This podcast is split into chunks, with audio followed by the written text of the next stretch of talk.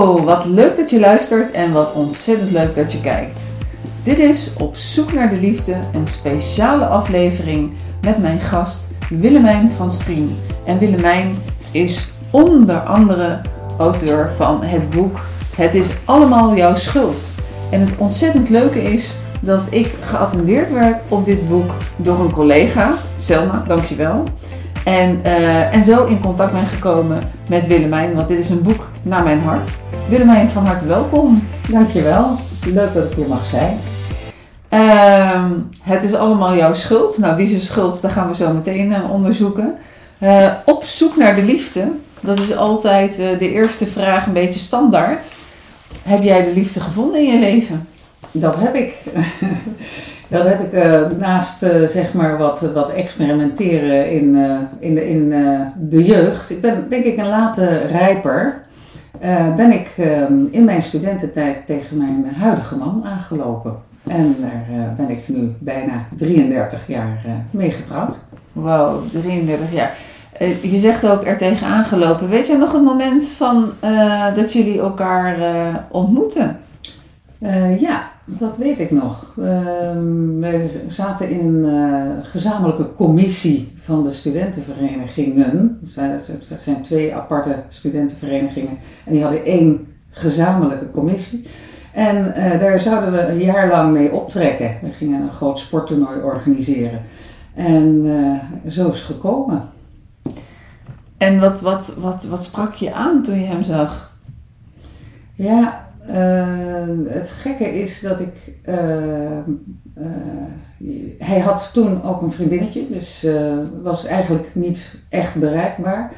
Maar het, het, was niet iets wat, wat me misschien rationeel aansprak, maar het voelde gewoon kloppend. Het voelde in mijn buik alsof het was van: ja, dit is hem.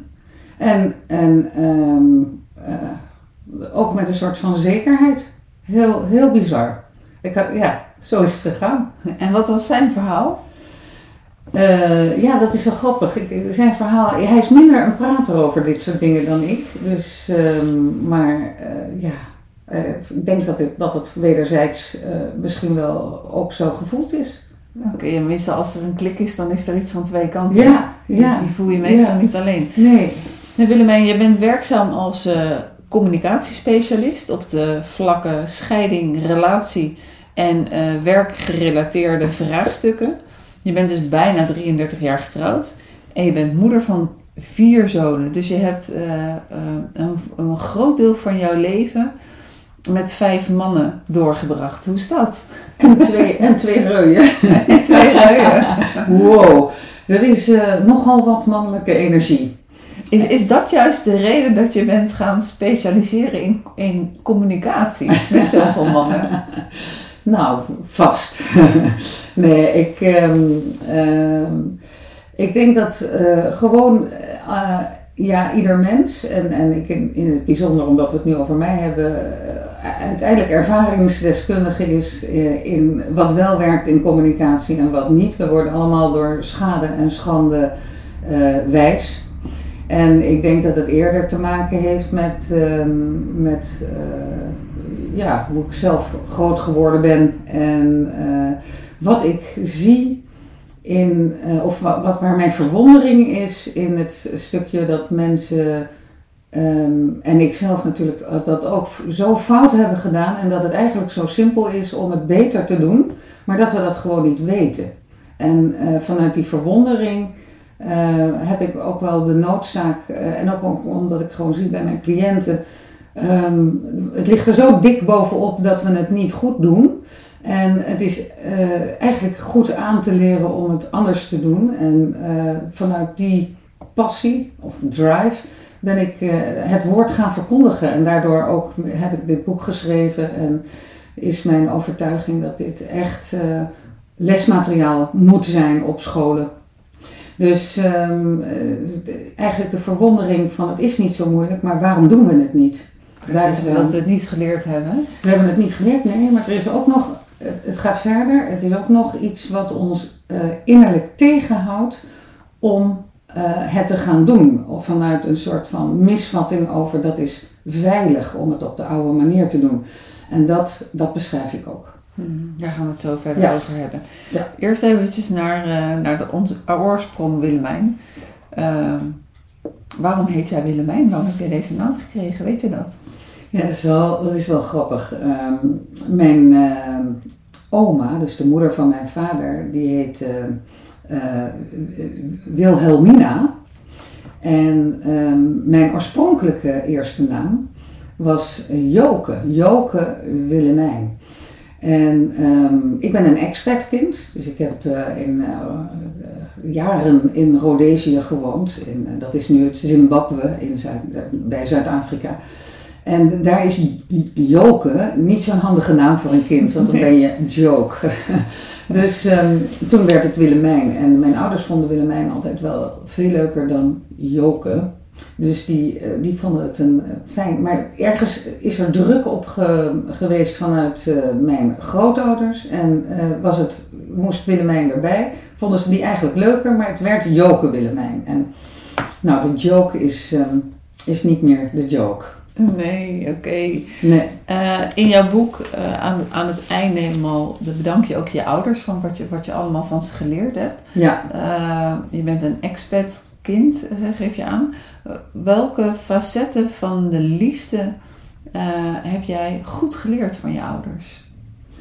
Nou, ik denk dat ik, ehm, dat ik eh, van mijn moeder bijvoorbeeld geleerd heb dat ehm, ehm, eh, iemand niet alleen maar niet leuk is. Dus eh, ik, ik, had, is net overleden, mijn, een hele lastige vader ergens. Die heeft het Jappenkamp meegemaakt en eh, is echt daardoor ehm, een ingewikkelde vader geweest voor mij. En ehm, ik heb wel eens tegen mijn, mijn moeder gezegd van, waarom ga je niet bij hem weg? En toen zei ze, maar Willemijn, hè? eh, hij is niet alleen maar dat, eh, hè? hij is nog zoveel meer. En daar, ik hou toch van hem. En dat, dat, dat vond ik een hele wijze les. het- Ik had ook meer zoiets van, eh, nou ja, als, als het niet werkt of als het moeilijk is en als, als je tekort komt, ehm, eh, focus daar dan, dat was mijn focus, van dan moet je het beter krijgen. Maar dat is dus helemaal niet zo. Het hoort erbij dat het leuk is en niet leuk. En dat is echt wat ik wel geleerd heb van hen. Nou, dat is wel een, eh, een hele mooie les. Ja, Eh, en wat heb je van je mama geleerd thuis? van mijn mannen. Van al jouw mannen? Eh, ja, van mijn mannen heb ik een soort van, ehm, ja, een so- soort van onvoorwaardelijkheid ehm, in een soort van steun naar mij toe. Die ik denk ik minder gevoeld heb naar mijn ouders zelf. Dus ik, ik, ik, waar ik, ik me kon schamen voor mijn ouders of waarin ik ehm, eh, een soort ingewikkeldheid beleef dan ben ik elke keer ontroerd als zij mij zo, zo onvoorwaardelijk steunen. Dan denk ik van, maar is dat, vind je dat dan niet dat, dat ik raar doe? Of hè, dat hoort toch erbij dat je ouders een beetje stom zijn. Maar dat heb ik nooit zo gevoeld. Ze hebben me echt heel erg ah, vierkant achter mij gestaan voor mijn gevoel. En dat, dat is ontroerend. Daar kan ik nog steeds heel erg eh, ja, blij van worden. En, en het ook ergens nooit helemaal geloven. Omdat ik dat zelf niet ken. Nee, wat, en wat, dat is natuurlijk eh, het stukje onvoorwaardelijke liefde wat wij hebben van ouders naar kinderen toe. Ja, En die onvoorwaardelijke loyaliteit die je dan terugkrijgt. ja. Ehm, en wat maakt, wat zit er voor een ruis op de kabel, op de lijn naar die onvoorwaardelijke loyaliteit naar jouw ouders dan van jou? Ja, ik denk ehm, eh, de ervaringen van eh, ja, de driftbui van mijn vader, hè, de, de, de grensoverschrijding daarin voor het kind wat dat nog niet begreep. Hè, hoe kan die lieve vader nou ook zo driftig zijn en, en daarin grenzen overschrijden?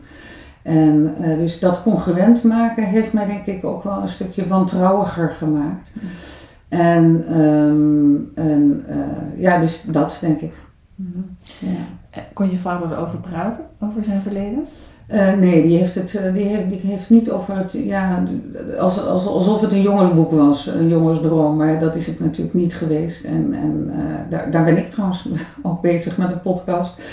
Ehm, eh, ik heb hem wel de laatste jaren geprobeerd te interviewen daar ook over, maar hij komt niet tot de kern, want dat is ook te groot voor hem.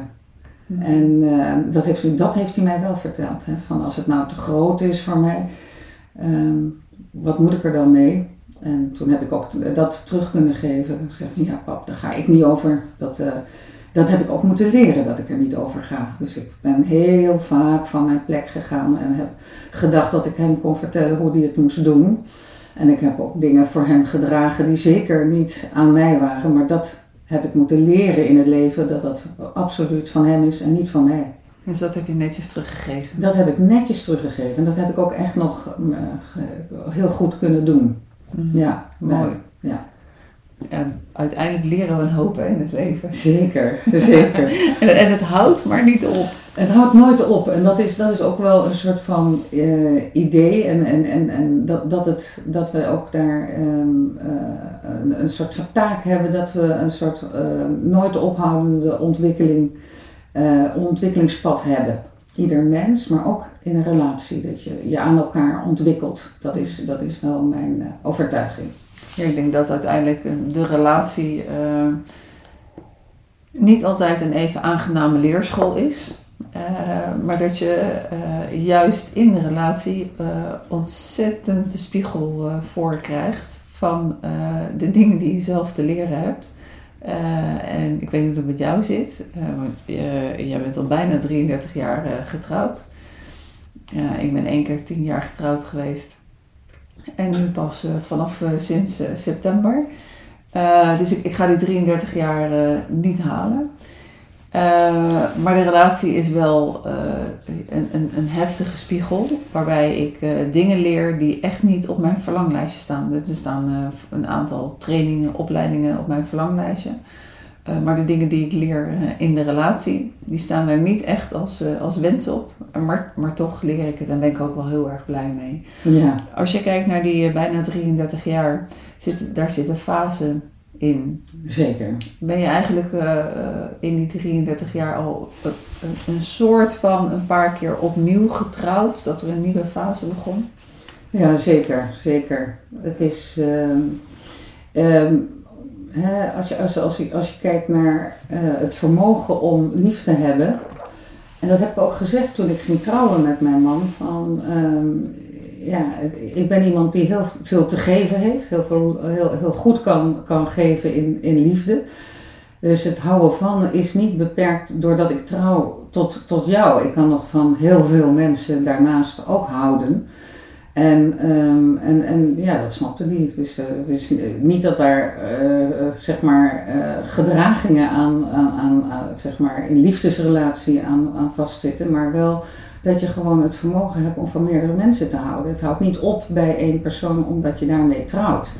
En, en, en, en, dat gevoel van autonomie daarin heb ik ook altijd nodig gehad. Dat ik gewoon het, dat, ja, je hebt een groot hart en dat wil je met meerdere mensen delen en kunnen delen zonder dat je daarin beperkt voelt van uh, ja maar ik ben getrouwd met jou dus ik mag alleen maar van naar jou kijken.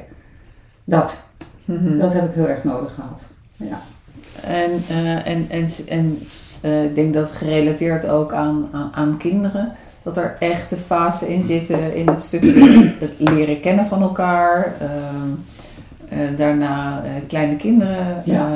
Uh, je, je, hebt nog één zoon thuis, dus jullie zijn nee, nee, nee, nee, nee, ik heb niemand meer thuis. Niemand meer thuis. De jongste zoon studeert. Dus oh, die studeert. Ja. dus hoe lang zijn jullie al zonder kinderen thuis?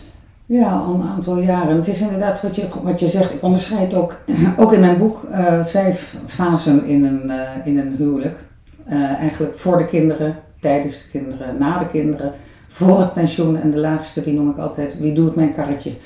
en um, uh, er zijn zeker fasen waarin je happier bent met elkaar. De, afleiding van kinderen, van baan, van je wilt toch ook iets uh, neerzetten. Um, maakt dat je elkaar wat uit het oog kan verliezen. Dat, dat ehm, zie ik natuurlijk bij mijn cliënten ook heel erg veel. Dat je, dat je gewoon niet meer investeert in je relatie. Dat je er niet meer aan werkt. En dan is er een grote kans dat je elkaar ook uit het oog verliest. En um, ook door te beseffen waarom je Eh, en dus echt dat zelfreflectie, dat je aan jezelf werkt. Eh, dat je gaat kijken van waarom doe ik de dingen zoals ik ze doe, waar heeft het mee te maken. En ehm, dan, daar heb ik zelf ook wel ehm, eh, een, een soort stap in gemaakt van eigenlijk ben ik in, in, in het kijken naar, naar andere mensen of andere mannen of andere ja, mensen ben ik eigenlijk op zoek naar uh, een stukje van zie mij nou. En, en dat heeft gewoon te maken met uh, ergens het verlangen van hè, vader of moeder, zie mij nou. En um, als je dat snapt, dan, dan weet je ook dat je eigenlijk die andere mensen daar ook een beetje voor misbruikt. Hè? Dat, dat je dat soort, een soort onbewust appel van jij moet mij zien of jij moet mij. En dan ga je ook je daarnaar gedragen. En als je snapt dat je dat nooit gaat krijgen dat het een kindverlangen is en dat, dat, dat als volwassene dat niet zo werkt. En, en, en dat je daar kan aan, aan uh, in berusten van dat ga ik nooit krijgen van hem. Want laten we zeggen, hij heeft zijn hart al in het Jappenkamp uh, begraven. Um, dan, dan, als je daar rust in vindt, dan is het ook minder nodig om naar uh, allerlei um, bevestiging te zoeken in andere mannen of mensen. Um, dan is het veel meer, uh, dan wordt het rustig en dan kan je ook zeggen van, nou, hè, de verwarring van je, mijn vader of mijn moeder met mijn partner, dat ben jij niet, je bent mijn partner en wij moeten samen ons aan elkaar ontwikkelen en dan wordt het rustig. Dus dat heb ik ook wel geleerd, dat, ik, dat, het, dat waarom je ook uh, in fases van je leven uh, verwijderd van elkaar. En, en, en ook dat je terug kan komen en dat je kan, kan zeggen van. Ja, het had vooral met mij te maken. En, en als ik terugkom, dan, dan weet ik weer. Dan, dat vind ik wel mooi hoe je dat zegt. Dan, dan ga ik weer met jou trouwen. Want uh, daar hebben wij nog genoeg in uit te zoeken en, en, en te ontwikkelen. Ja, het zou mooi zijn om inderdaad, uh, uh, we hebben ons dat al voorgenomen om elk jaar echt eventjes op de trouwdag elkaar de vraag te stellen van als vandaag onze trouwdag zou zijn, zouden we dan weer met elkaar gaan trouwen? Oh, dat vind ik wel een hele mooie vraag. Net als dat dan een nee is, dan, dan is er werk aan de winkel in ieder ja, geval. Ja. Om te voorkomen om door te sukkelen terwijl je eigenlijk niet, niet helemaal happy bent. Ja. Um, laten we naar je boek gaan. Ja. Het is allemaal jouw schuld. in verbinding naar een respectvolle relatie. Waarbij communicatie de, de lijn is. Wat is jouw fascinatie met communicatie? Waar komt dat vandaan? Heb je hiervoor ook werk gedaan in communicatie of is het puur dat het op jouw pad kwam?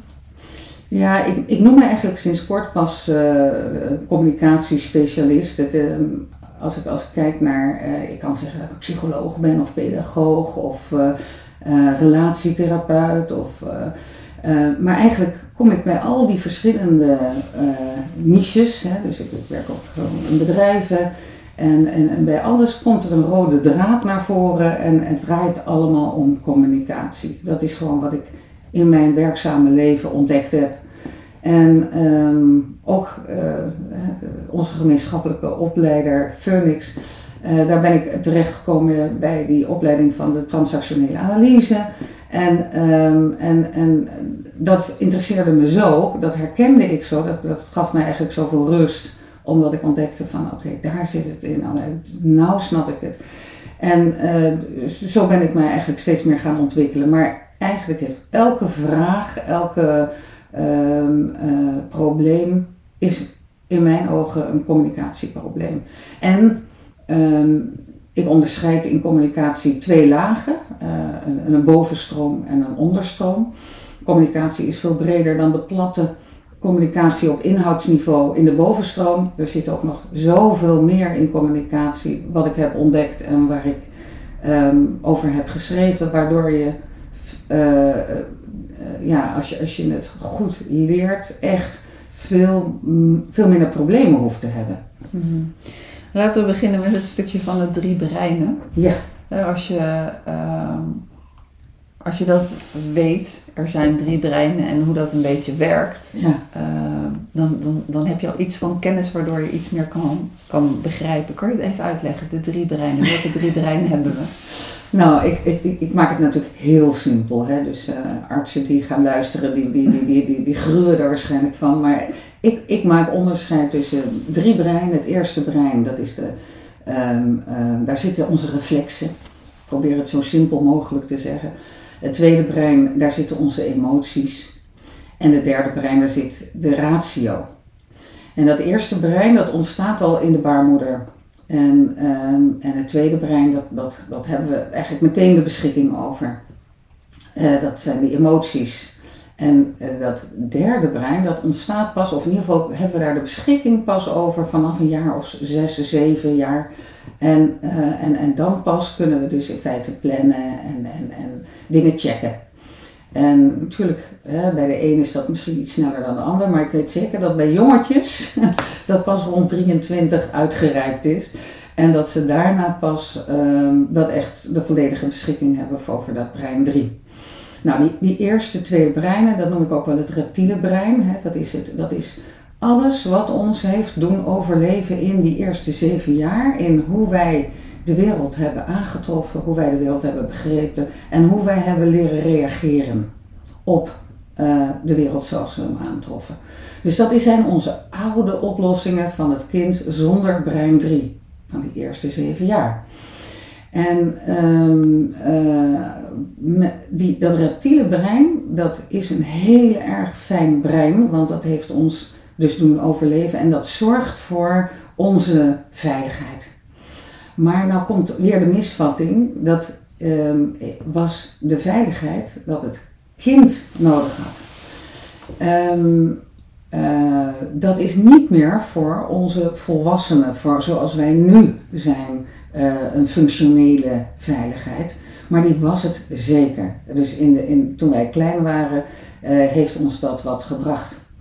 Ik noem dat ook wel in mijn boek de saboteurstem. Dat is de stem die ons beperkt, die ons uh, onder de tafel wil houden en niet bewegen, dan is het veilig. En op het moment dat die saboteurstem uh, de overhand krijgt, um, gaan wij dus reageren in het leven, ook al zijn we al veel ouder dan zeven, op die oude manier. En daarin doe je jezelf gewoon tekort. Um, dus uh, de tweede brein en het eerste brein, als die winnen, zeg maar, dan, dan, dan doe je jezelf en ook anderen tekort. En, en dus eerst, uh, in mijn eerste deel van het boek ga ik ook echt heel erg, ga eerst nou eens naar jezelf kijken en, en kijk eens um, hoe dat jou nog steeds beïnvloedt en hoe dat je ook beperkt. En, um, en uh, als je dat snapt, dan, komt er, dan is er dus de mogelijkheid om te bedenken van wat wil ik daar eigenlijk in? Wil ik het, uh, moet ik altijd die 10 halen of mag het ook een 7 zijn? En van wie moet ik die 10 halen? En dan blijkt dat we onszelf heel erg streng behandelen en eigenlijk uh, de, de bewaker worden dat we dat op die oude manier, zoals dat ons heel veel heeft opgebracht in die eerste zeven jaar. Maar we proberen dus dat ook uh, zelf uh, de, uh, vol te houden. En waar, van wie moeten we dus permissie krijgen om ander gedrag te vertonen? Dat is vaak onszelf. En als we dat snappen, dan komt er een hele vrije wereld waar je veel meer mag zijn wie je misschien echt bent. Ik heel toevallig had ik van de week een, een puber in de klas. Uh, hij vertoonde wat uh, baldadig uh, gedrag. en dus ik liet hem eventjes aan het eind van de les nablijven. Ik zeg, wat is er aan de hand met je? En toen zei hij, ja, sinds deze proefwerkweek eisen mijn ouders dat ik, ja, dat ik 8, 9, 10 haal. en ik vind dat zelf eigenlijk helemaal niet nodig. En ik raak daar wel een beetje gefrustreerd van. Ja, dat was een heel mooie, uh, mooie ontboezeming van hem, waardoor we in een, uh, ja, een heel goed gesprek terechtkwamen. Wauw, prachtig. Uh, ja. Waardoor, ja, waardoor we een hele andere toon hadden dan, dan zijn weerstand in de les en, en, en mijn reactie daarop. He, dus hij was inderdaad zo van, je moet die tien halen. Die oude boodschap die er zo doorheen was. Waar, die, nou, waar hij heel erg in de weerstand mee kwam, inderdaad. Ja. Ehm, Mooi. En dus dat is het stukje van de drie breinen. Ja. Dus ehm, dat heb je goed, goed in ieder geval voor mij uitgelegd. Het tweede hoofdstuk gaat over persoonlijk leiderschap. En ik vond het zo mooi dat dat erin staat. Want ook in relaties, uh, ook in een scheiding, uh, ook in uh, alles wat met liefde te maken heeft, gaat het natuurlijk ook over het stuk persoonlijk leiderschap. wie ben ik? wie ben jij? Wat is van jou? Wat is van mij? Hey, dat, dat, dat rijdt. Ja, heel had mooi. Ik, had, ik niet zo, had ik niet zo bedacht. Maar vooral dat, dat eigen stuk. Ik merk um, ja, in, in mijn privéleven, in mijn professionele leven, dat er toch heel vaak mensen ook behoorlijk veel water bij de wijn doen, waardoor het niet meer hun eigen wijn is, waar ze eigenlijk dan heel ongelukkig van worden. Dus dat persoonlijk leiderschap, dat mag voor mij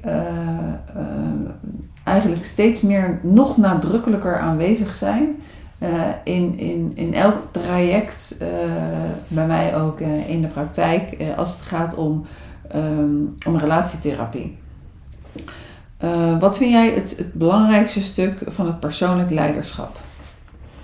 Um, ja, ik koppel het met die transactionele analyse. Hè? Dus, dus, dus de ouderstem, de kindstem en de volwassenstem. Waarbij de ouder en de kindstem um, uh, uit het verleden zijn, uit die eerste zeven jaar. En uh, die volwassenstem het nu is. Dus niet de saaie volwassene, maar gewoon de volwassene die ik eigenlijk het meest ben.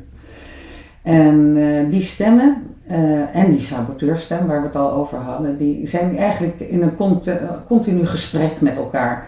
En, en um, als die, als die, die metafoor van de bus, he, als, die, als die ouder en dat kindstem in, aan het stuur van de bus, de bus als metafoor van mijn leven, uh, is dat, dat vind ik niet prettig. Hè? Want, want dan zwenkt mijn bus van rechts naar links. En, en ik wil graag zelf achter het stuur van mijn bus zitten als het mijn bus is. Als het mijn leven is. Dus, um, um, en wat ik daar het belangrijkste in vind is um, uh, het besef, het bewust worden van die verschillende stemmen. En ook het bewust worden van, hè, als, als, ik, als ik met mijn man een, een ruzie heb, vroeger dan, dan kon ik ongelooflijk veel echt knetteren. Hè? Dan konden we echt uh, de, de, tent afbreken. En als ik dan rustig na ging denken, dan denk ik van...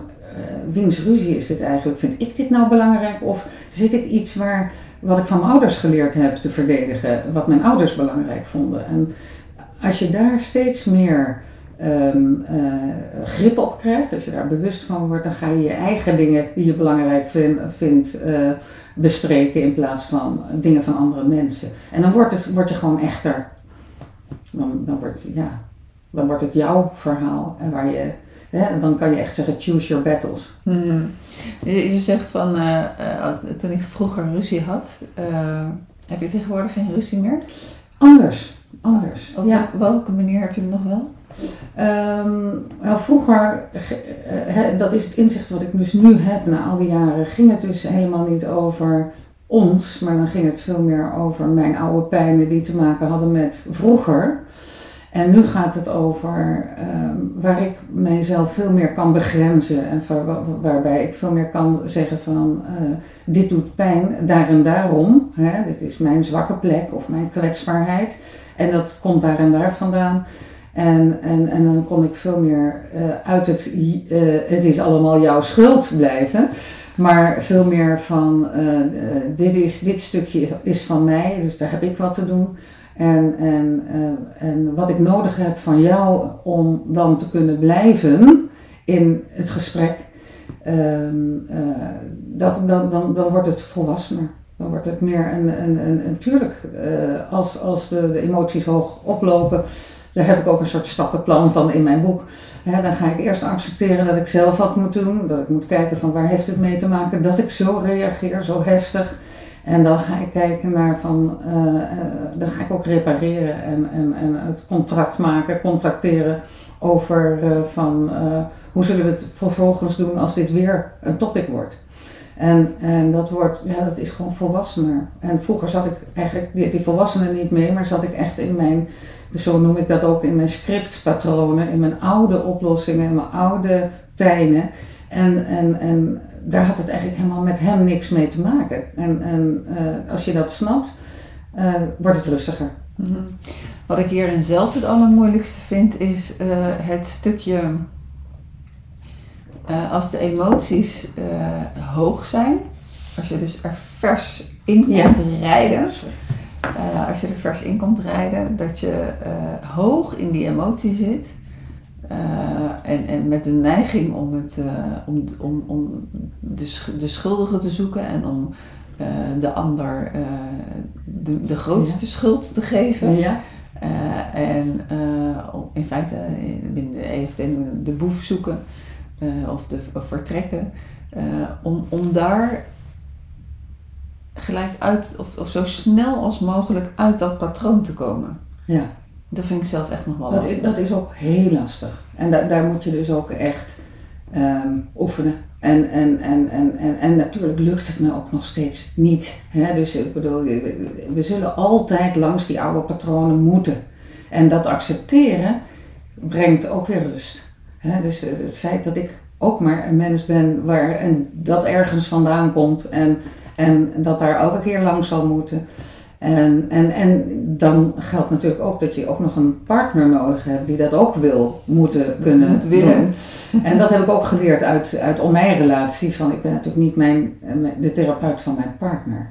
Dus, dus uh, daar laat ik het ook helemaal los. Ja, het zou erg zijn. Ik denk dat als je thuis dat uh, werkt de therapeut niet. dat werkt dus niet. Dat wordt ook alleen maar groter. Dan, dan, dan, dan, dan, dan uh, ga je, dat is de, de makkelijkste manier om iemand uit de, de, de, zeg maar weg te laten lopen, want uh, dat gaat niet lukken. En, en dat besef is ook heerlijk. Dat, dat, dan kan ik daar ook, dat, dat laat ik dan los. Maar het is heel lastig. Je zal altijd, uh, ook ik, en dat zeg ik ook al tegen mijn cliënten, loop nog, ik werk heel veel met voorbeelden uit mijn eigen leven. Um, zodat ze weten, ik ben ook een mens en ik maak ook nog steeds fouten. Maar ik heb wel een idee, een visie over hoe het zou kunnen. En, en, en het heeft mij heel veel gebracht. Dus in die zin ben je ook een ervaringsdeskundige. En uh, wordt het ook steviger naar, naar, om, om je boodschap te vertellen. Mm, ja, herkenbaar. Um, Willemijn, uh, je hebt het ook over wetmatigheden.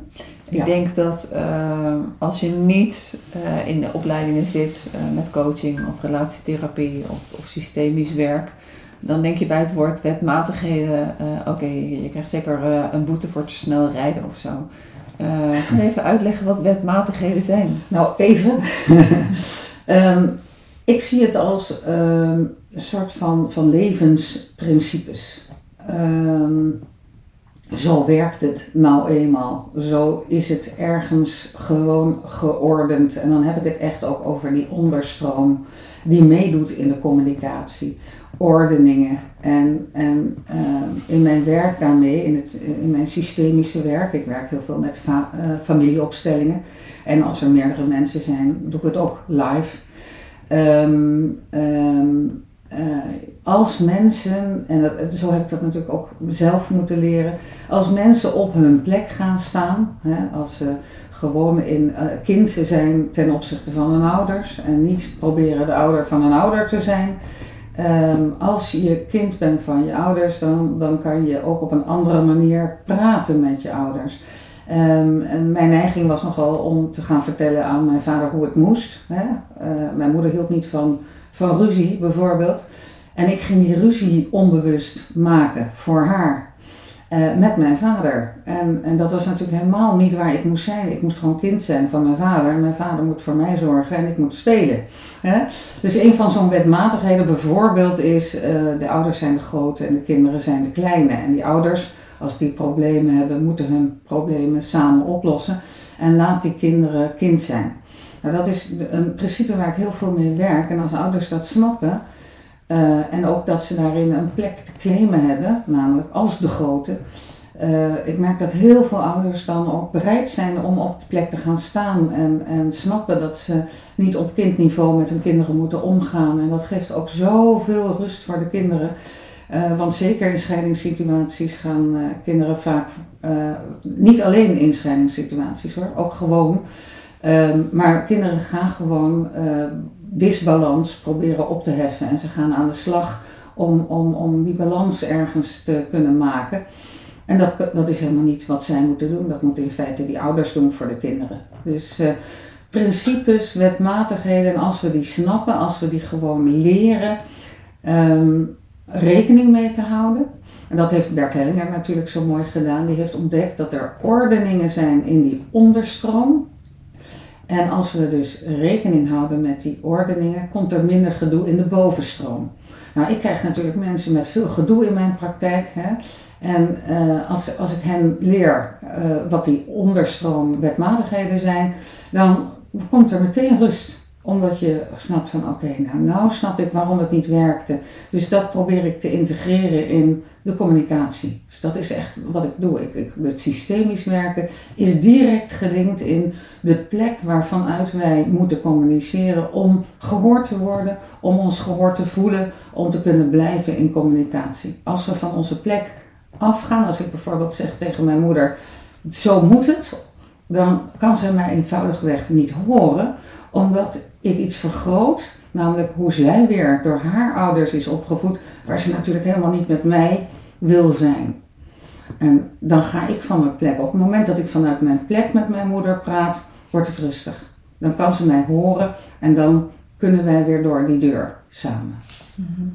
En vooral in, uh, in, in scheidingssituaties ehm,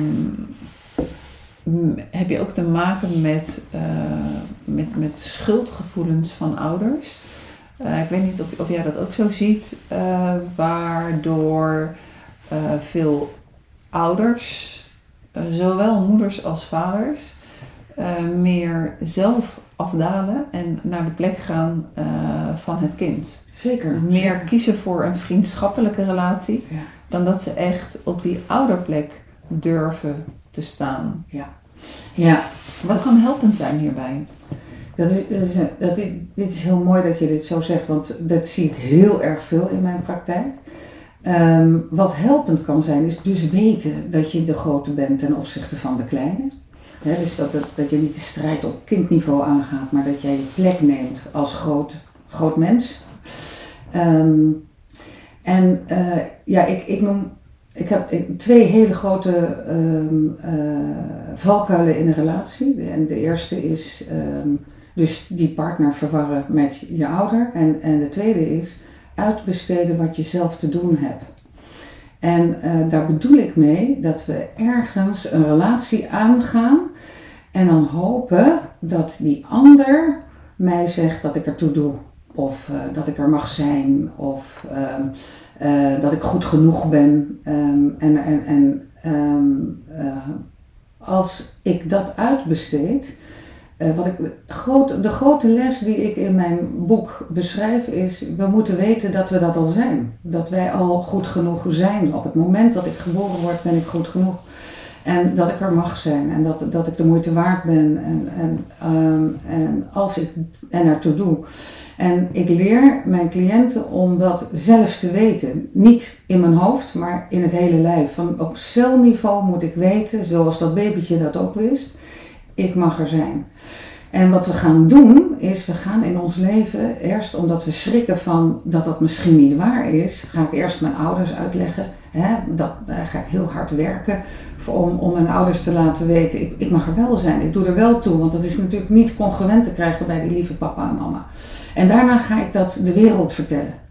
En als ik dan in een relatie kom, dan wil ik eigenlijk ook onbewust, hè, dus allemaal in die onderstroom, ga ik, doe ik een appel op mijn partner van jij moet mij laten weten dat ik ertoe doe.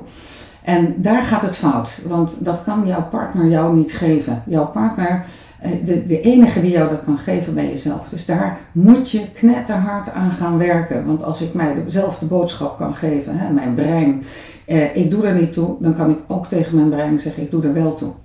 En dat, dat is mijn taak, zo zie ik dat. En als, ik, als, ik, als jij als partner je taak neemt, ontspant het om jou heen, meteen in je relatie. Maar dat gaat dus ook, en nu kom ik bij jouw vraag, Uh, dat gaat ook naar de kinderen toe. Als ik mijn kinderen ga opvoeden met het onbewuste appel. Uh, nou, weet je, ik geef maar toe, want dan vind jij mij leuk. Dan laat jij mij onbewust weten je, dat ik ertoe doe, of dat ik er mag zijn. Dan zit je dus uh, je kinderen te belasten met iets wat ze jou niet kunnen geven. En op het moment dat jij vanuit je tenen weet ik weet dat ik ertoe doe, dan kan je ook veel makkelijker grenzen stellen naar je kinderen. En dan ontspant het ook direct uh, bij je kinderen. Dan kunnen die kinderen op hun plek gaan staan omdat jij op je plek gaat staan. Dan hoeven ze dat niet meer te leveren. En dan wordt het in feite een, een schone communicatie met iedereen. Met je partner, met je kinderen, maar ook met je bazen en je collega's en je vriendinnen en je vrienden. En als je dat snapt, dan komt er een heleboel energie vrij omdat je dan je energie gaat doen op waar jij het moet doen, namelijk weten dat je goed genoeg bent, in plaats van dat je daar de hele wereld om je heen belast, mee belast. Zo zie ik het. Hmm. Helder. En uh, um, in de tijd van nu, dat er alles uh, om ons heen uh, gebeurt, veel scheidingen natuurlijk, veel nieuwe vormen van gezinnen, ja. ook veel samengestelde gezinnen. Uh, waarbij uh, er rouw uh, in de rugzak zit. Hè. Ja. Er zit bijna altijd een scheiding is eraan vooraf gegaan of het overlijden van een van de partners. Ehm, er zit rouw, verwerking, andere tempo's. ouders die een ander tempo hebben dan kinderen, ook met dan een nieuwe relatie. Ehm, en daar is het ja, nog belangrijker dan ooit om op, die, op de goede plek te staan. Ja. ja. Want zo niet, uh, dan lopen mensen leeg. Dan is het uh, een richting naar uh, een, een burn-out. energie lekken. Ja. Die, die, die energielek die, die stroomt maar vol. Hè. Dat, dat emmertje stroomt ongelooflijk snel vol. Um, herkenbaar? Ja, ik, ik denk dat als we het dan toch hebben over die orde, hè, van zij zijn de grote en, en de kinderen zijn de kleine. Ik, ik denk dat uh, voor samengestelde gezinnen, um, als de kinderen bij papa zijn, dan is het gezin altijd uit de orde. Want mama is er niet. En als ze bij mama zijn, dan is het gezin altijd uit de orde, want papa is er niet. En, en ik denk dat je heel goed je kinderen kan begeleiden als je dat snapt. Als je, als, je, als je snapt dat dat lastig is voor een kind. Dus dat je het niet gaat bestrijden, maar dat je naast het kind gaat zitten en gaat zeggen: Ja, dat is lastig hè. Wat eigenlijk hoort voor jou natuurlijk altijd mama erbij. En, en, en uh, uh, ook hè, uh, kinderen die in het ene gezin ehm, de oudste zijn en, en, en, en, en de jongste, die zijn opeens in het andere gezin misschien wel allebei de oudste. En, en dat kan voor het kind wat de jongste is heel ingewikkeld zijn. Want het ene gezin is hij de jongste en opeens hoort hij bij het tweede gezin het oudste. En als je um, het kind daarin begeleidt en, en laat zien dat, dat, dat best lastig is. En, en daarover gaat praten en het bespreekbaar maakt dat je zegt van ja, dat, dat snap ik dat dat lastig is. niet van pas je maar aan, maar ja, dat, dat lijkt mij ook een klus dan, dan wordt het kind ook erkend in dat dat lastig is. En dan gaat het vaak veel makkelijker dan uh, dat. Uh, en dat is natuurlijk moeilijk gevraagd van ouders die zelf ook in uh, rouw zitten en in verlies. En in, om, om, om dan, dan je plek te nemen als de grote en, en je kind eigenlijk te verwelkomen met alles wat er is, terwijl je eigenlijk zelf nauwelijks op je benen kan staan. Dus ik snap dat dat lastig is, maar ik denk wel dat het zo moet. Ja, het, het leven is ook uh, een mooie uitdaging. Het leven is een hele mooie uitdaging, ja. Um, je had het net over uh, opstellingen. Ja. Um, voor heel veel mensen is het vanzelfsprekend wat een opstelling is. Nee, maar nee, voor heel veel mensen ook niet. Even uitleggen wat dat is. Nou ja, als ik, als ik um, en, uh, het heb over een opstelling, dan, dan, dan ik werk dan met houtjes dan laat ik gewoon eigenlijk beeldend zien. Hè, dus als ik het heb over een tafelopstelling, maar je hebt een heleboel vormen van opstellingen. Maar als ik het heb over een tafelopstelling, dan zie je um, um, op tafel de posities van ouders ten opzichte van elkaar, ten opzichte van kinderen, maar ook bijvoorbeeld ten opzichte van werk. je kan ook werk opstellen, dus je, je pakt dan een houtje en dat is werk. En je pakt een houtje, dit is de oudste, dit is de jongste, dit is het kindje wat overleden is. Dus je zet alles neer. En, ehm, en dan uh, komt wat je weet in je hoofd, wordt opeens uh, 3D, zeg maar. Dus je gaat ook zien. Het wordt een beeld en het, wordt het krijgt een vorm. En uh, door het neer te zetten krijgt het ook plek. En op het moment dat het plek krijgt, wordt het weer rustig. Um, en door um, gewoon ook als mensen met een vraag komen, ook werkgerelateerd, hè, kan je gewoon die baas neerzetten en, en, en uh, de traditie van het bedrijf en alles kan je neerzetten. En doordat het beeldend wordt, kan je ermee schuiven en uh, kan je ook het inzicht krijgen, oh ik ben helemaal mijn stiefzusje vergeten neer te zetten, wat erg. En, en die had een hele bepalende invloed in mijn jeugd. En dus dat soort dingen. Dus dan worden dingen ook weer inzichtelijk. En, en um, het feit dat je dat dan vergeet neer te zetten, zegt ook weer wat.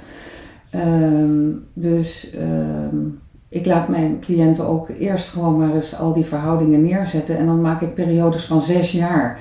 Van in de eerste zes jaar. Als je nou je vader en je moeder en je, die buurman en alles neerzet, hoe ziet dat er dan uit?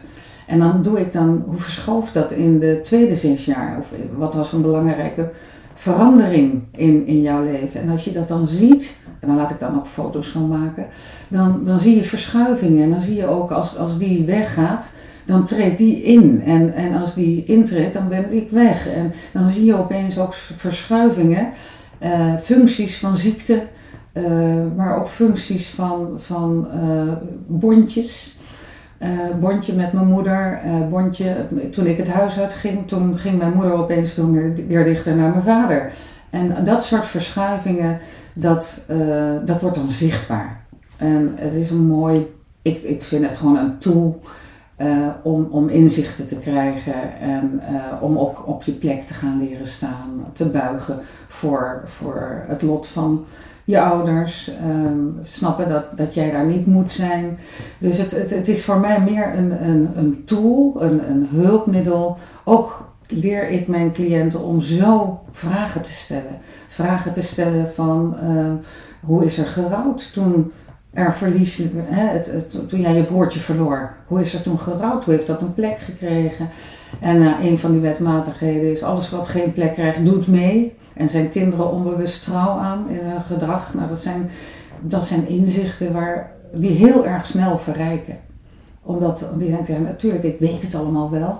Maar doordat je het ziet, uh, krijgt het een plek. En, en uh, ja, ik, ik, ik, bij elke opstelling staan ook vraagtekens. En ik denk van ja, we moeten ook soms buigen voor dingen die we gewoon niet weten. Die, precies, die, die wat groter ja. zijn. En, en door dat neer te zetten, kan het ook, ook weer rust krijgen. Dus het is meer van waar stop ik mijn energie in? En door het te zien, be, ja, zal je op een andere manier uh, dingen snappen. Ja, en uh, mijn ervaring is ook dan dat, dat het echt, echt uh, helemaal binnenkomt. Ja, het is wel die andere laag. Het ja. is de andere laag die je erbij betrekt, die onderstroom. En die doet mee, of het willen of niet. Ja, en het verschil is ook wel, je, mensen kunnen op de, bij mij zitten ze dan op de bank. Je, zitten ze meer op een bank of op een stoel? Nee, bij mij zitten ze gewoon aan tafel die opstelling te doen. Dus ik, ik werk aan tafel, mm-hmm. maar ik werk ook in de ruimte met lichaamswerk. Dus uh, NN, maar in principe begin ik, omdat het best voor ons is het gesneden koek, maar het is best uh, nieuw voor een heleboel mensen. En ik doe dat dus heel, ik bouw het op. Ja. ja, ik bedoel eigenlijk te zeggen van mensen kunnen bij mij uh, in, in eerste instantie zitten, ontvang ik ze op de bank. Ja. En dan kunnen ze een verhaal vertellen over hoe hun uh, samengesteld gezin of over relatie of over ontrouw of wat er dan ook aan de hand is, hoe dat is. Uh, en daarna bij de opstelling, ik werk dan met vloerankers, dan komt hij pas echt binnen. Ja. En het, het, ja. het is hetzelfde verhaal. Ja. Maar het is zo'n wereld van verschil van het vertellen op de bank en het ervaren in de opstelling.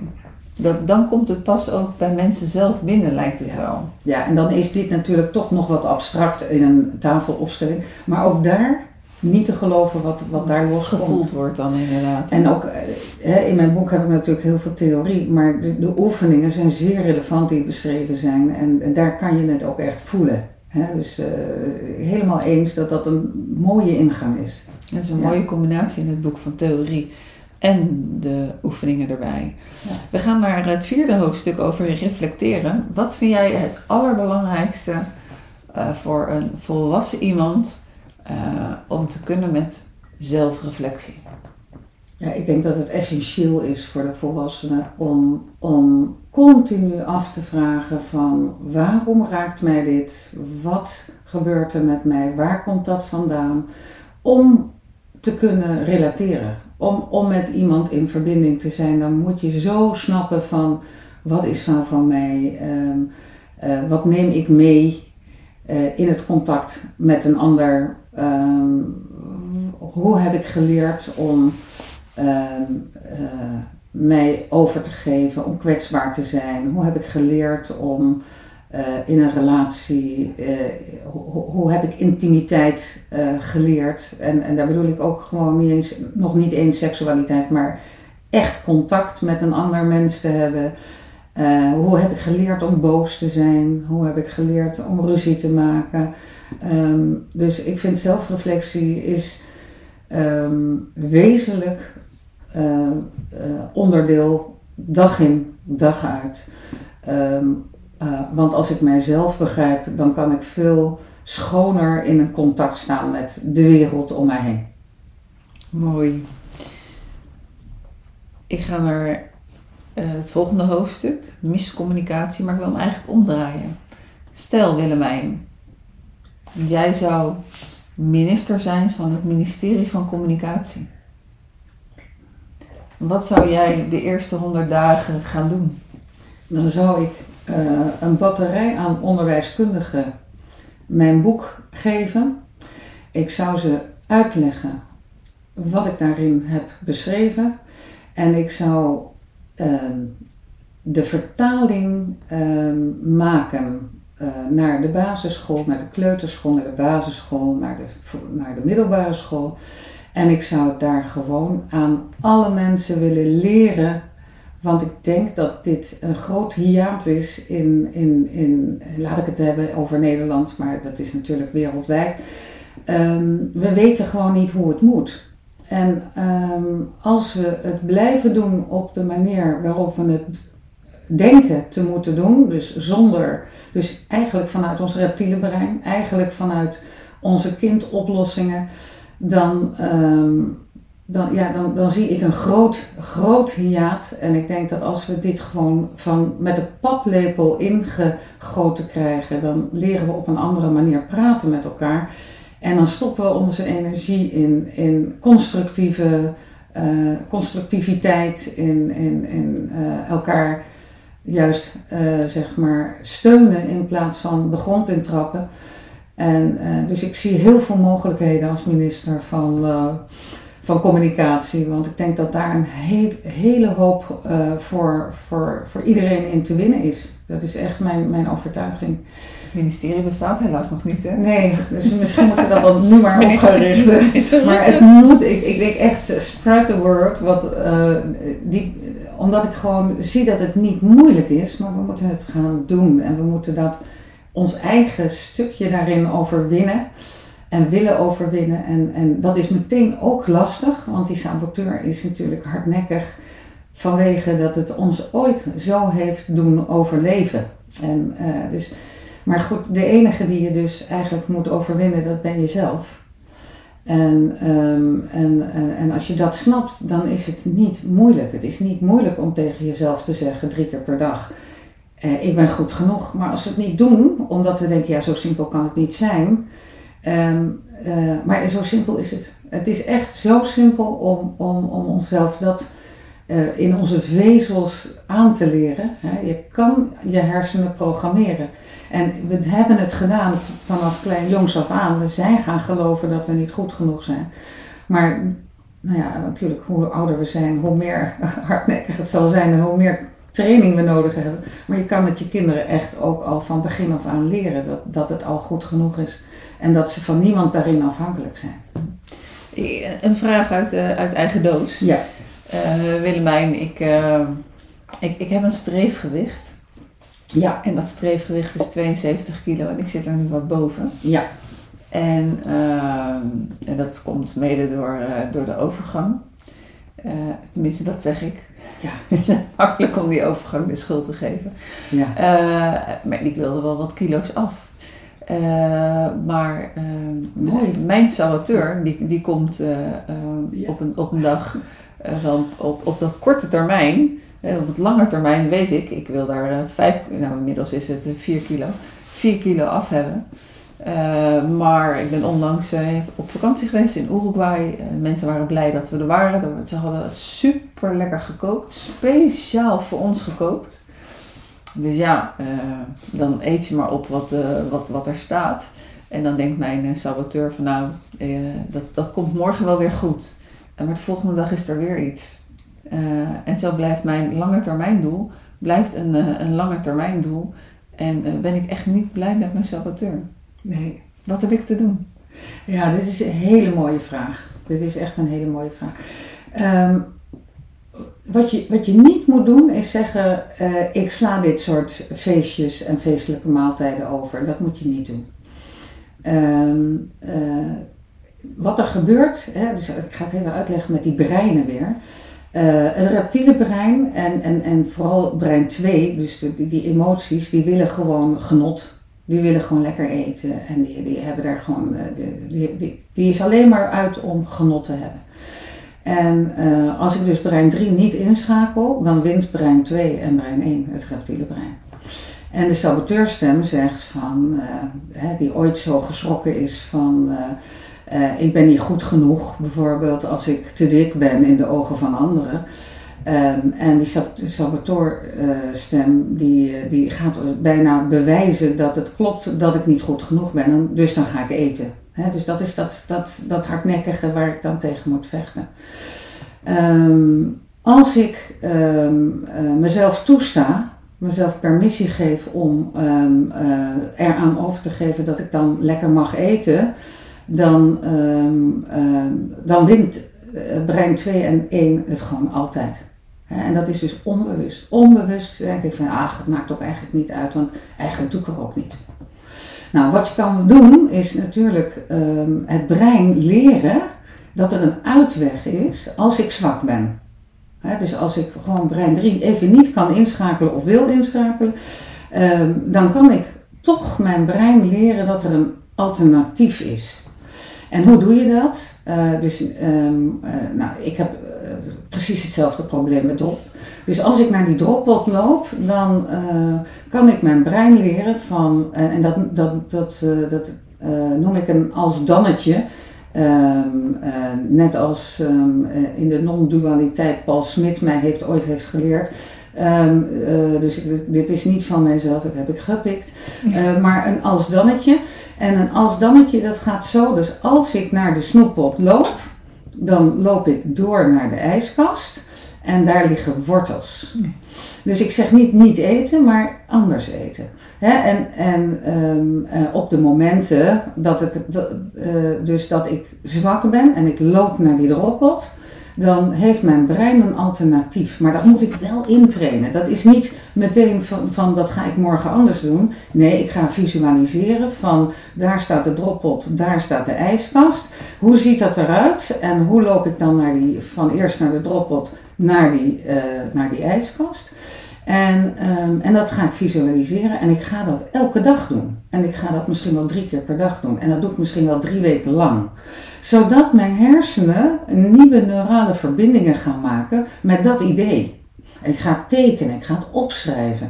En als dus dat een geautomatiseerde nieuwe neurale verbinding is, dan zal je zien dat als ik naar die droppot loop, dat even langskomt. Er, ko- er komt opeens keuze. Ik hoef, dus ook als ik zwak ben, dan weten mijn hersenen, zelfs mijn reptiele brein, dat er ook een andere verbinding mogelijk is, namelijk het lopen naar die ijskast. En zo zie ik dat. Dus ik denk dat de, de slechtste raadgever is zeggen van je mag niet meer genieten van het leven en je in Uruguay laten eh, inpakken. Maar het feit dat je zegt ik vind het onbeleefd, hè, om dan dat af te slaan, dat is ergens ook weer die, die, die innerlijke dialoog tussen die kritische ouder van je, je mag niet onbeleefd zijn en het rebelse, of het, ja, het kind, het aangepaste kind wat dan zegt ehm, ja man, ik zal niet onbeleefd zijn. Hè, dus daar gaat het ook weer even in van, is het echt iets wat ik moet of is het wat ik wil? Moet ik van mezelf beleefd zijn? Uh, of kan ik ook met de helft eten nog beleefd zijn en wil ik dat dan ook? Dus dan, dan krijg je dat willen en dat moeten. Hè? Dus dan is het een, een interne dialoog waar je je van bewust kan worden. En, uh, en ja, de als-dannetjes werken echt heel goed. Als, als ik weer naar eten ga, dan heb ik een alternatief, namelijk die wortel. Of ga ik muziek opzetten of loop ik een rondje door uh, erop, weet ik veel wat. Maar er zijn alternatieven en die moeten we onszelf gewoon leren. En dat is trainen en dan heb je weer de discipline nodig. En dan moet je het gevecht aangaan tegen je saboteurstem. En het mooie hiervan Denk je dat dit gaat helpen? ja, het gaat, het gaat zeker helpen. Um, het mooie hiervan is Ehm, is dat, ehm, dat het intrainen. Ja, het oefenen. Het, het oefenen. Ja. Uh, dat dat houvast biedt. Het, het, het, kan niet in één dag uh, lukken. Dat denken we allemaal wel. Van oké, ik neem een, uh, een besluit. Soms werkt dat. Vanaf vandaag eet ik geen drop meer. Ja. ja. vanaf vandaag rook ik niet meer. Nou, ik heb nooit gerookt, maar er zijn mensen die dat kunnen. Vanaf vandaag rook ik niet meer besluit nemen, hup, het is klaar. Maar als, als dat niet lukt, um, door dan te beseffen, oké, maar de dingen kun je intrainen. En nu gaat dit om, om een stukje uh, lijnen. Uh, of anders omgaan met eten, anders omgaan met, uh, met je gewicht, met je lijf. Uh, maar zo werkt het ook in de relatie. Ja. De, de, de, de communicatie, het patroon wat je als koppel hebt. Uh, dat kan je intrainen om het te veranderen. Ja, ja en dat is echt, um, echt mogelijk. Ik denk dat, in, wat jij zegt, hè, ik, ik, heb ooit geleerd 20 tot 30 procent kans als ik van ik ga vandaag, vandaag iets veranderen. Maar je vergroot het met 50 procent als je het voorbereidt. De kans dat iets lukt, 100 procent garantie is natuurlijk nooit. Maar uh, ik denk echt dat als je veel meer aandacht aan de voorbereiding gooit, geeft, dat je je kans vergroot dat je dingen anders kan. Dat denk ik echt. En dat, dat is, en dat, dat trainen, daar zit het hem vaak in. Ja. Dan komt die saboteurstem van, nou, hè, dan kijk ik in de spiegel en dan denk ik, nou, het ziet er toch best leuk uit. Dus, en ik heb vandaag best wat gewandeld. Nou, hè, dus, en weet je niet hoe erg het regent. We kunnen ook maandag naar de sportschool en dan begint het. Hè? Dus ja, eens. Ja. Het, het, het, het, mooie is echt wel het stukje intrainen als je dat snapt. En je hebt het inderdaad, wat je zegt, hè, goed voorbereid. Ik heb een website gevonden over goed en gezond eten. Dus vanochtend waren mijn boodschappen voorbereid. Dus niet vanuit, oh wat moet ik nu kopen? Uh, even bij het benzinestation mijn eten kopen voor de lunch op school. Nou, ik heb het goed voorbereid en dan, dan gaat het zeker lukken. Nog eventjes het laatste hoofdstuk van jouw boek. Willemijn. Dat gaat over een bepaalde vorm van scheidingen. Kan je daar iets kort nog over vertellen? Jazeker. Dat is uh, de overlegscheiding. Um, sinds 2007 in uh, Nederland uh, werken we daarmee. dat is een, een, een, vereniging. Um, en daarin ga je met allebei je eigen advocaat en um, een coach en, en een neutrale coach en een neutrale financial ga je met elkaar aan tafel op een respectvolle manier uit elkaar. Dus um, uh, je gaat uit elkaar, je hebt wel achting voor, he, respect voor je, voor je ex, maar um, wil niet meer door. En uh, vanuit het idee dat uh, ja, hoe meer ruzie je maakt, hoe, schadelijker het is voor de kinderen. Dus mensen die hun volwassenen dus kunnen inschakelen, hun volwassen stem en zeggen wij willen dat op een respectvolle manier doen, die zijn uitermate geschikt voor de overlegscheiding. En um, uh, daar, ik werk daar dus ook mee en als coach. En uh, bij mij is er toch ook dan wel een verplicht voortraject. Want ik begin eerst met de emoties omdat um, uh, ja, dat eerste en dat tweede brein, als we daarmee gaan praten met onze partner, dan weet je zeker dat het, dat het niet gaat lukken. En ik wil mensen eerst leren om uh, te snappen dat je op een ander niveau met elkaar in gesprek kan komen, zodat je elkaar weer hoort, je gehoord wordt, eh, voelt. En dat je zo ook op je plek kan gaan staan als de grote, als de ouders, ten opzichte van eh, de kinderen. En mensen die dat snappen, die, die, die willen daar ook dolgraag in verder, uh, omdat ze direct resultaat zien uh, along the way van mijn traject naar hun kinderen toe. Er komt rust en ja, mensen komen echt scheldend binnen bij mij. En ehm, het is zo mooi om te zien dat, dat mensen die, die toch een soort van grow mindset hebben en, en willen leren en kunnen leren, zich daarvoor openstellen en zo anders ten opzichte van elkaar komen te staan. Dat is echt een heel mooi, uh, belonend uh, uh, fenomeen. En, dus dat is de overlegscheiding. Mm-hmm. Dus met, met, met een, een team van specialisten, multidisciplinair team, werken aan een zo respectvolle mogelijke oplossing. En dat is best een uitdaging hoor. En zeker niet iedereen is daarvoor geschikt. Maar de mensen die, uh, die we daarin kunnen helpen, ja, ik denk dat het een, een heel mooi instituut is. Mm. En uh, jij zegt van je, je, gaat aan de slag in het begin, hè, dat je hebt een voortraject. is dat voortraject individueel of komen ze daar als, als ex-partners tegelijkertijd? Ja, dat is, dat is een hele goede vraag. Nou, ik denk dat het um, over het algemeen in scheiding is het een gescheiden traject. Tenminste, de eerste gesprekken over wie ben ik. Hè, dat zijn gewoon deze hoofdstukken, 2, 3, 4. Um, dat doen ze vaak gescheiden. Maar ik doe niet voor niks het relatiestuk. Ik en de ander doe ik samen.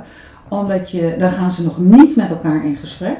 Maar dan gaan ze wel horen van elkaar hoe ze dingen ervaren hebben. En dat geeft vaak heel veel inzicht. En daar doe ik ook de do's en de don'ts in communicatie. Dus wat werkt nou niet, wat werkt wel. En, um, en dan komt er daarna nog een gezamenlijk gesprek en daar doe ik de scheidingsmelding. En dat doe ik in feite met een ritueel. Een ritueel, de functie van een ritueel is om dingen echt af te sluiten. Nou, hier sluit je dus je partnerrelatie af. En uh, ja, de oude relatie is levenslang. Um, de de um, uh, partnerrelatie uh, sluit ik af met een ritueel.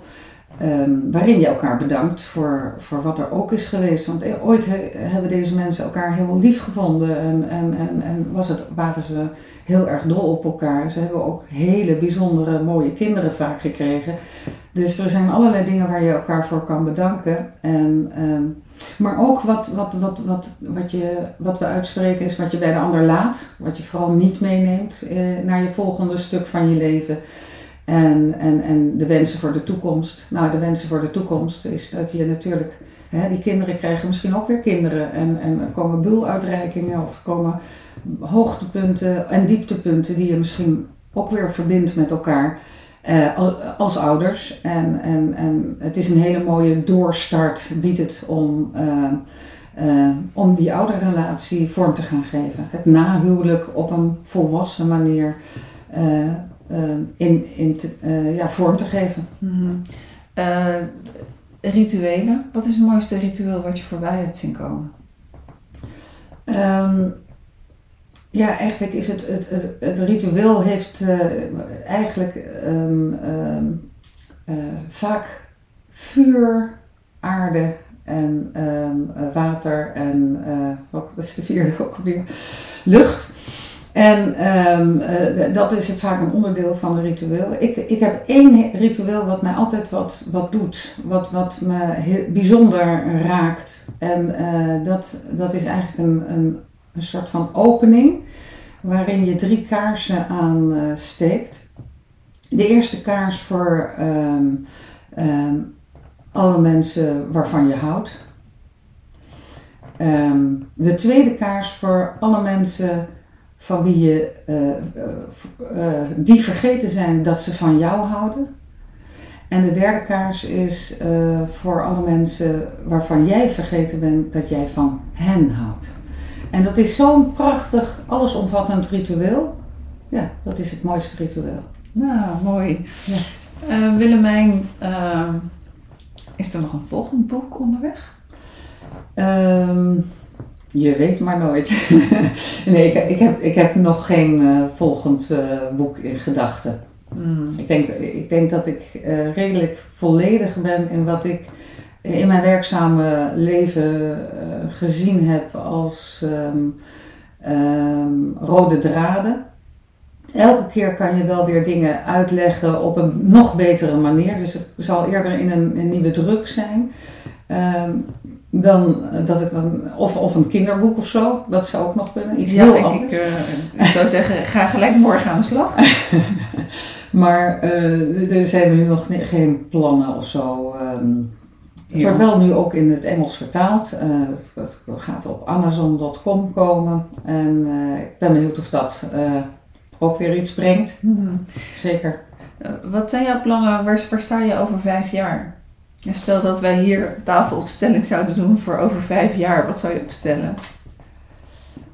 Ja, dat is toch wel, dat is toch wel een, vraagteken. Ik denk, ehm, mijn man zit nog zeven jaar eh, in het werkzame leven. En ik eh, denk dat ik net zo lang ehm, eh, ga werken. Ik, eerlijk gezegd, ik, ik leef een beetje met de dag. En ik ben niet zo heel erg bezig met van waar ik wil zijn. Want ik ben eigenlijk heel erg gelukkig eh, met mijn werk nu en mijn leven eh, nu. Eh, misschien word ik wel grootmoeder. Nou, daar zou ik dan ook wel tijd voor willen maken. Eh, misschien iets vrijwilligerswerk in het vluchtelingen, in het grote probleem natuurlijk nu met eh, de, de Oekraïne. Ehm, dus eh er zijn genoeg dingen waarvan ik denk die komen op mijn pad en daar kan ik mijzelf wellicht nuttig maken. Hmm. Ehm, maar waar, wat ik nu doe, vind ik ook wel nuttig. Hey, ik kan je uit eigen ervaring vertellen dat, eh, dat oma zijn eh, ongelooflijk mooi is. Ik moet heel eerlijk zeggen dat ik altijd wel een mening had over al die oma's en opa's die zo lyrisch over hun kleinkind deden. Ik dacht van nou, doe even lekker normaal. Maar als er dan een, een, een popje geboren wordt en dat je dat ziet en eh, dat je er elke keer als je er ziet eh, dat ze gegroeid is en eh, dan de liefde groeit ook alleen maar. Ja, fantastisch. En eh, ik ben jaloers. ja, het- ik laat zo een foto zien. Het is echt Geen druk hoor, no pressure voor mijn kinderen. En ik, ik, ik, ja, ik hoop ontzettend dat ik, ik- En eigenlijk ben ik nu al aan het wensen dat, eh, dat de moeder eh, gaat werken. Want dan mag ik op de maandag gaan oppassen. Oh, wat enig. Ja. Ehm, Maar dat, eh, dat, dat, dat is echt heel prachtig om mee te maken. Willemijn, welke vraag heb ik jou ter afronding heb ik je niet gesteld en wil je toch nog graag antwoord op geven? Ehm, je hebt de vraag niet gesteld wat mijn definitie is van liefde. En ik heb er nog een vraag niet gesteld, want ik wil ook nog weten wie zijn schuld het nou allemaal was. Ja, ja. Wat is je definitie van liefde?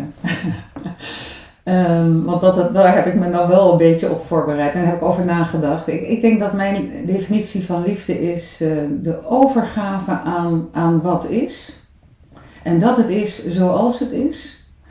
En ehm, het werkelijk present zijn eh, daarin in het, in, en, en, en je laten verwonderen over dat het is zoals het is en, en dat je daaraan kan overgeven. Ik denk dat dan alles binnenkomt en dat je dan ook echt in je buik eh, kan voelen wat geluk is en, en, eh, en, en wat het soms niet is. Maar de overgave aan, aan, aan alles wat is, dat noem ik liefde. Mooi. Ja. En wat is nou allemaal jouw schuld? Ja, eh, het, Wie is is, schuld? het is eigenlijk niemands zijn schuld. Ik kan echt naar mensen kijken ehm, omdat ik weet dat iedereen al goed genoeg is en er mag zijn. En zo kijk ik dus ook echt naar mensen. Ik kijk echt naar mensen van het is al goed. Dat is heel goed, het is allemaal oké. Dus het is niemands schuld. Nee, eh, hoe ben je gekomen tot de titel dan? Eh, omdat dat is wat we doen. De ander de schuld geven. De externe attributie. Eh, we geven de ander de schuld. We zoeken het niet bij onszelf, omdat dat veiliger is. En ik denk dat, eh, nou ja, nogmaals, daar je jezelf en de ander heel erg tekort mee doet. Dus ehm, eh, ik wens iedereen toe dat hij zichzelf gaat exploreren en gaat snappen van daar kom ik vandaan, daarom reageer ik zoals ik reageer. Ehm, eh, het is nooit expres, het is altijd, we worden veel meer geleefd denk ik door ehm, heel veel externe prikkels. We hebben zelf daar heel weinig in te zeggen en als je dat snapt en, en, en die controle loslaat en naar de overgave gaat, overgave naar wat, wat is, dan, ehm, dan komt je energie op een veel betere plek terecht dan. Uh, en dat heb ik ook moeten leren door schade en schande, natuurlijk. Mm Nou, dat is het mooie van iets ouder zijn. Hè? Dat, we, dat we mogen leren en dat we het ook kunnen gebruiken. Willemijn, dankjewel. Ja, jij bedankt. Ik vind het ontzettend leuk om uh, hier mijn verhaal eens een keer te mogen vertellen. En ook eng, hè, spannend, maar, maar leuk om, uh, om die kans te krijgen. Dankjewel. Nou, de tijd is gevlogen, want inmiddels zijn we al een uur en een kwartier wow. aan, het, uh, aan het praten. Uh, dankjewel. Dit was Annette Burgers op zoek naar de liefde. over het boek Het is allemaal jouw schuld. En we hebben in, in een, uur, een dik uur en een kwartier Willemijn van Strien behoorlijk leren kennen. Ik heb natuurlijk heel veel vragen nog niet gesteld. Ah. Uh, maar mocht je Willemijn uh, willen benaderen, waar kunnen ze je dan benaderen, Willemijn? Nou, ik heb een website uh, www.wvanstream uh, zwevend-coaching.nl en daar staat alles op. Nou, dan kan je daar naartoe. Dus mocht je vragen hebben, laat het weten aan Willemijn. Of heb je een vraag aan mij, dat kan natuurlijk ook.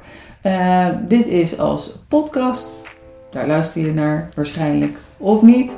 En op YouTube te vinden. En dan is het in ieder geval op mijn kanaal, Annette Burgers. En wellicht komt het ook op jouw website. Uh, Denk het wel. Dat, ja. dat, uh, dat, dat vinden jullie dan allemaal wel. Bedankt voor het luisteren en tot de volgende keer.